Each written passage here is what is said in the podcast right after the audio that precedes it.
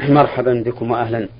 على بركة الله نبدأ هذه الحلقة برسالة وصلت من العراق من مستمع للبرنامج. رمز لاسمه بألف ألف يقول فضيلة الشيخ هل يجوز البدء بالسلام؟ يقول أنا طالب بالكلية وهناك البعض من من يدرسون معنا من غير المسلمين. هل يجوز البدء بالسلام عليهم؟ نرجو بهذا إفادة مأجورين. الحمد لله رب العالمين وأصلي وأسلم على نبينا محمد وعلى آله وأصحابه أجمعين. البدء بالسلام على غير المسلمين محرم ولا يجوز لأن النبي صلى الله عليه وسلم قال لا تبدأوا اليهود والنصارى بالسلام وإذا لقيتم في وإذا لقيتموهم في طريق فاضطروهم إلى أضيقه. ولكنهم إذا سلموا وجب علينا أن نرد عليهم. لعموم قوله تعالى وإذا حييتم بتحية فحيوا بأحسن منها أو ردوها وكان اليهود يسلمون على النبي صلى الله عليه وسلم فيقولون السام عليك يا محمد والسام بمعنى الموت. يدعون على رسول الله صلى الله عليه وسلم بالموت. فقال النبي عليه الصلاة والسلام إن اليهود يقولون السلام عليكم فإذا سلموا عليكم فقولوا وعليكم فإذا سلم غير المسلم على المسلم وقال السلام عليكم فإننا نقول وعليكم. وفي قوله صلى الله عليه وسلم وعليك قولوا وعليكم دليل على أنهم إذا كانوا قد قالوا السلام عليكم فإن فإن عليهم السلام كما قالوا نقول لهم. ولهذا قال بعض أهل العلم إن اليهودية أو النصرانية أو غيرهم من غير المسلمين إذا قالوا بلفظ صريح السلام عليكم جاز أن نقول عليكم السلام.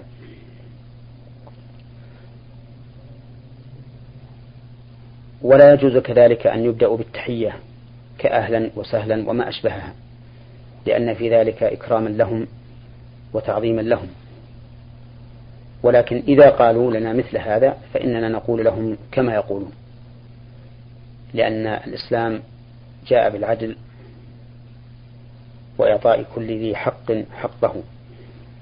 ومن المعلوم أن المسلمين أعلى مكانا ومرتبة عند الله عز وجل فلا ينبغي أن يذلوا أنفسهم لغير المسلمين فيبدأوهم بالسلام. إذا فنقول في خلاصة الجواب لا يجوز أن يبدأ غير المسلمين بالسلام. لأن النبي صلى الله عليه وسلم نهى عن ذلك ولأن في هذا إذلالا للمسلم حيث يبدأ بتعظيم غير المسلم. والمسلم أعلى مرتبة عند الله عز وجل فلا ينبغي أن يذل نفسه في هذا. أما إذا سلموا علينا فإننا نرد عليهم مثل ما سلموا وكذلك أيضا لا يجوز أن نبدأهم بالتحية مثل أهلا وسهلا ومرحبا وما أشبه ذلك لما في ذلك من تعظيمهم فهو كالسلام عليهم فهو كابتداء السلام عليهم. بارك الله فيكم. آه هذا سؤال من المستمع للبرنامج رمز لاسمه بعين عين جيم من العراق يقول في هذا السؤال الطويل أود الاستفسار من برنامجكم عن موقف الصائم الذي يفطر عمدا فإذا أفطر الصائم عمدا ولم يجد رقبة كي يعتقها وليس له قوة لصوم شهرين متتاليين وكان شابا في بداية حياته ليس له دخل خاص به كي يطعم منه ستين مسكينا. فماذا يفعل؟ هل الاستغفار جائز في مثل هذا الموقف؟ وهل يستطيع المرء أن يعاهد الله بإطعامه ستين مسكينا عندما يكون له دخل خاص ويتوظف وماذا يكون الحكم في هذا الشاب إذا توفي قبل أن يتوظف وقبل أن يطعم الستين مسكينا؟ وهل يستطيع المرء أن يأخذ من مال أبيه للتصرف في مثل هذا الموقف؟ جزاكم الله خيرا. هذا السائل لم يبين في سؤاله هل أفطر بما يوجب كفارة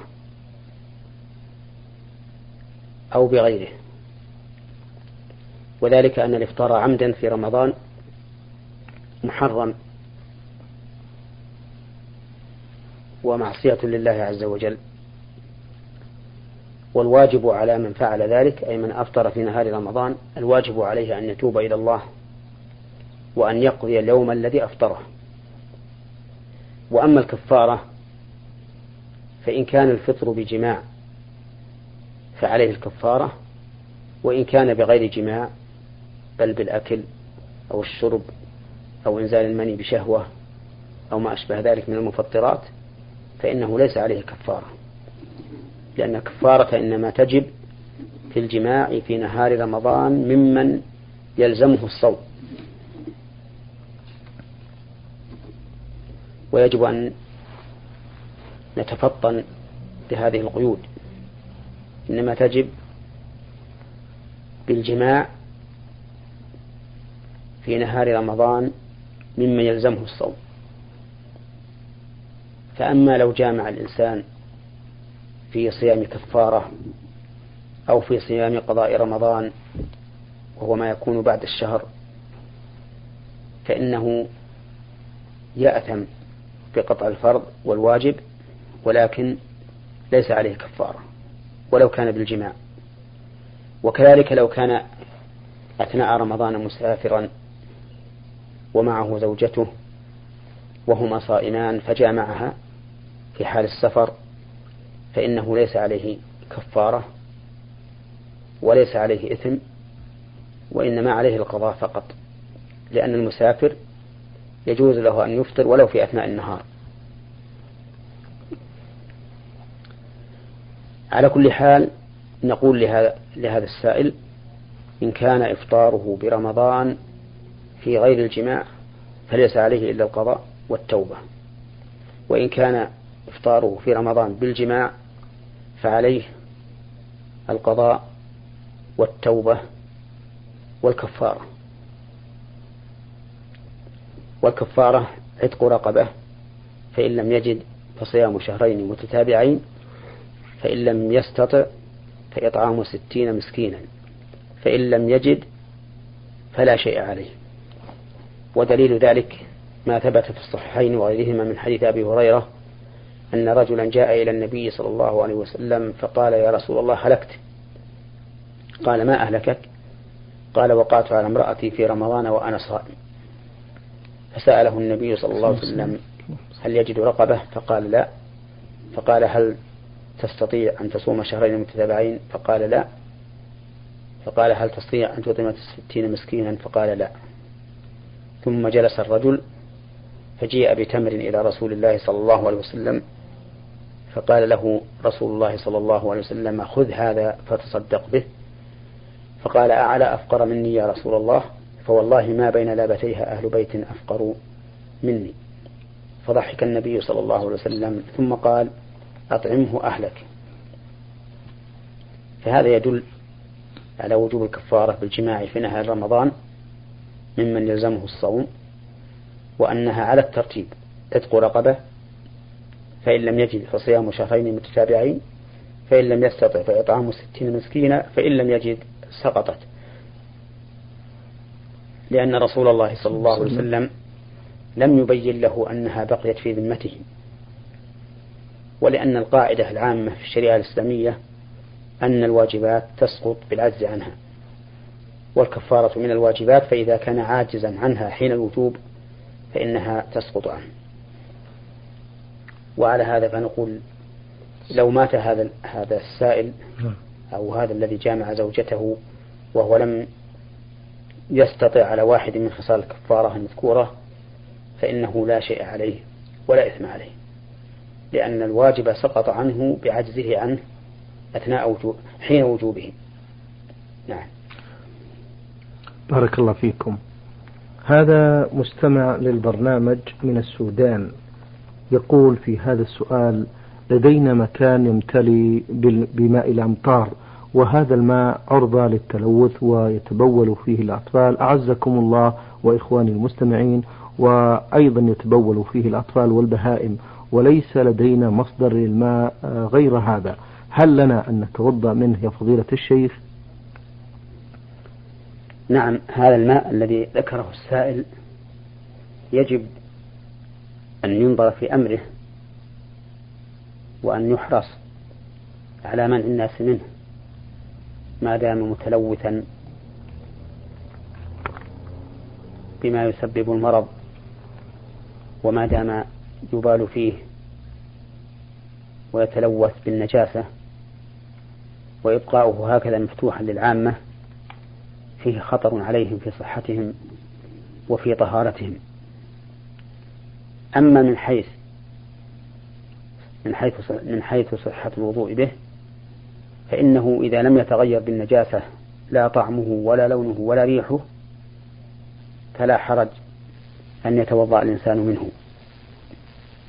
لأن الماء طهور لا ينجسه شيء إلا ما غلب على طعمه أو لونه أو ريحه بنجاسة.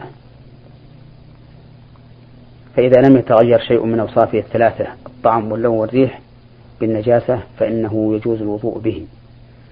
ولكن كما أسلفت ينبغي بل قد يجب منع الناس منه لأنه مضر ما دام عرضة للتلوث. بما يسبب الأمراض. نعم. آه مستمع للبرنامج رمز لاسمه بميم حاء أبو جديد يقول مرضت لمدة أحد عشر يوما ولم أصلي. هل علي كفارة؟ وهل عندما أقضي هذه الأوقات تكون؟ آه السؤال. يقول مرضت لمدة أحد عشر يوما ولم أصلي. هل علي كفارة في هذا؟ وهل عندما أقضي هذه الأوقات تكون بإقامة واحدة لكل فرض أم بإقامة واحدة لكل الفروض؟ لكل إيش؟ لكل الفروض. أولا يجب أن نعلم أنه لا يجوز للمريض أن يؤخر الصلاة عن وقتها إلا إذا أراد الجمع بين الظهر والعصر أو بين المغرب والعشاء لمشقة الصلاة في كل وقت. بل يجب على المريض أن يصلي الصلاة في وقتها سواء كانت مجموعة إلى غيرها مما تجمع إليه شرعا أم لا. المهم أن لا يخرج الوقت حتى يصلي على أي حال كان. لقول النبي صلى الله عليه وسلم لعمران بن حصين صل قائما فإن لم تستطع فقاعدا فإن لم تستطع فعلى جنب. فيؤمر المريض بالصلاة قائما. فإن لم يستطع فقاعدا فإن لم يستطع فعلى جنبه. وإذا صلى قاعدا فإنه يكون متربعا في حال القيام والركوع وفي حال السجود والجلوس يكون على الهيئة المعتادة. هذا إن تيسر عليه إن تيسر عليه وإلا جلس كيفما يتيسر له. ولا فرق بين أن يجلس مستندا أو متكئا أو لا مستندا ولا متكئا. فإن لم يستطع صلى على جنبه ويكون وجهه إلى القبلة ويومي برأسه في الركوع وفي السجود ويكون إيماؤه في السجود أكثر. فإن لم يستطع الإيماء بالرأس فإن كثيرا من أهل العلم يقول إنه يومئ بطرفه أي بعينه. وأما الإيماء بالإصبع كما هو مشهور بين العامة فلم أعلم له أصلا لا في السنة ولا في كلام أهل العلم. وحينئذ فليس من المشروع أن تومي بالأصبع أن تحرك الأصبع عند الركوع تحنيه قليلا ثم عند السجود تحنيه أكثر لأن ذلك لم يرد. فإن لم يستطع الإيماء المشروع فإنه ينوي بقلبه. فيقرأ.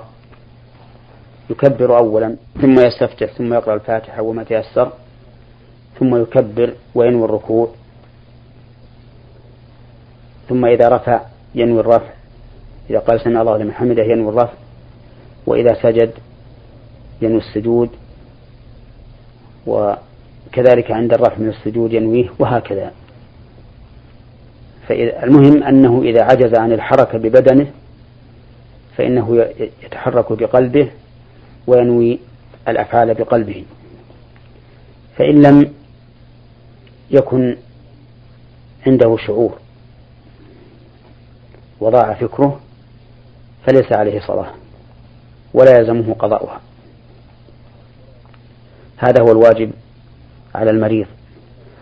أما بالنسبة للسؤال الذي سأل عنه السائل وأنه ترك أياما لم يصلها فنقول إن عليه أن يتوب إلى الله ويستغفر وأن يقضي الصلوات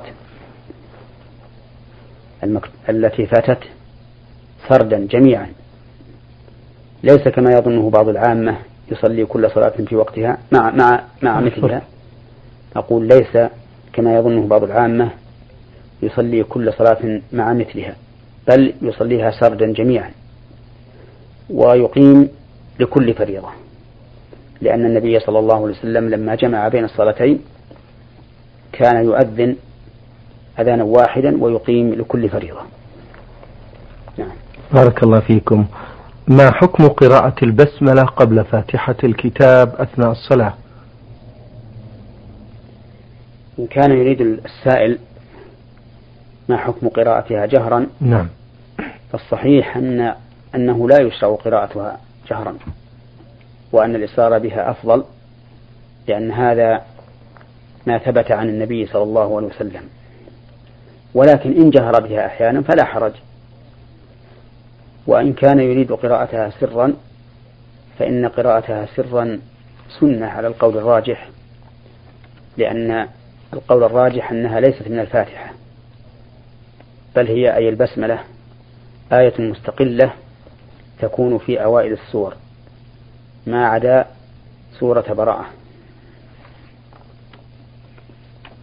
وليست من الفاتحة بدليل حديث أبي هريرة أن النبي صلى الله عليه وسلم قال قسمت الصلاة بيني وبين عبدي نصفين فإذا قال الحمد لله رب العالمين قال حمدني عبدي وإذا قال الرحمن الرحيم قال أثنى علي عبدي وإذا قال مالك يوم الدين قال مجدني عبدي. وإذا قال إياك نعبد وإياك نستعين قال هذا بيني وبين عبدي نصفين. فإذا قال اهدنا الصراط المستقيم صراط الذين أنعمت عليهم غير المغضوب عليهم ولا الضالين قال الله هذا لعبدي ولعبدي ما سأل. وهذا الحديث يدل على أن أول الفاتحة هو الحمد لله رب العالمين. ولهذا كان الرسول عليه الصلاة والسلام يجهر بالفاتحة في الصلاة الجهرية ولا يجهر بالبسملة.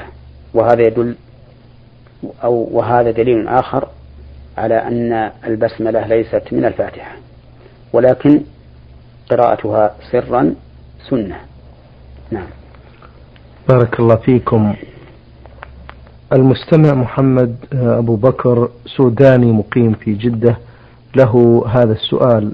يقول فضيلة الشيخ مشكلتي التي أعاني منها هي كثرة الوسوسة في كل شيء حتى أصبحت أكره الحياة وأكره نفسي وأتضايق من كل شيء.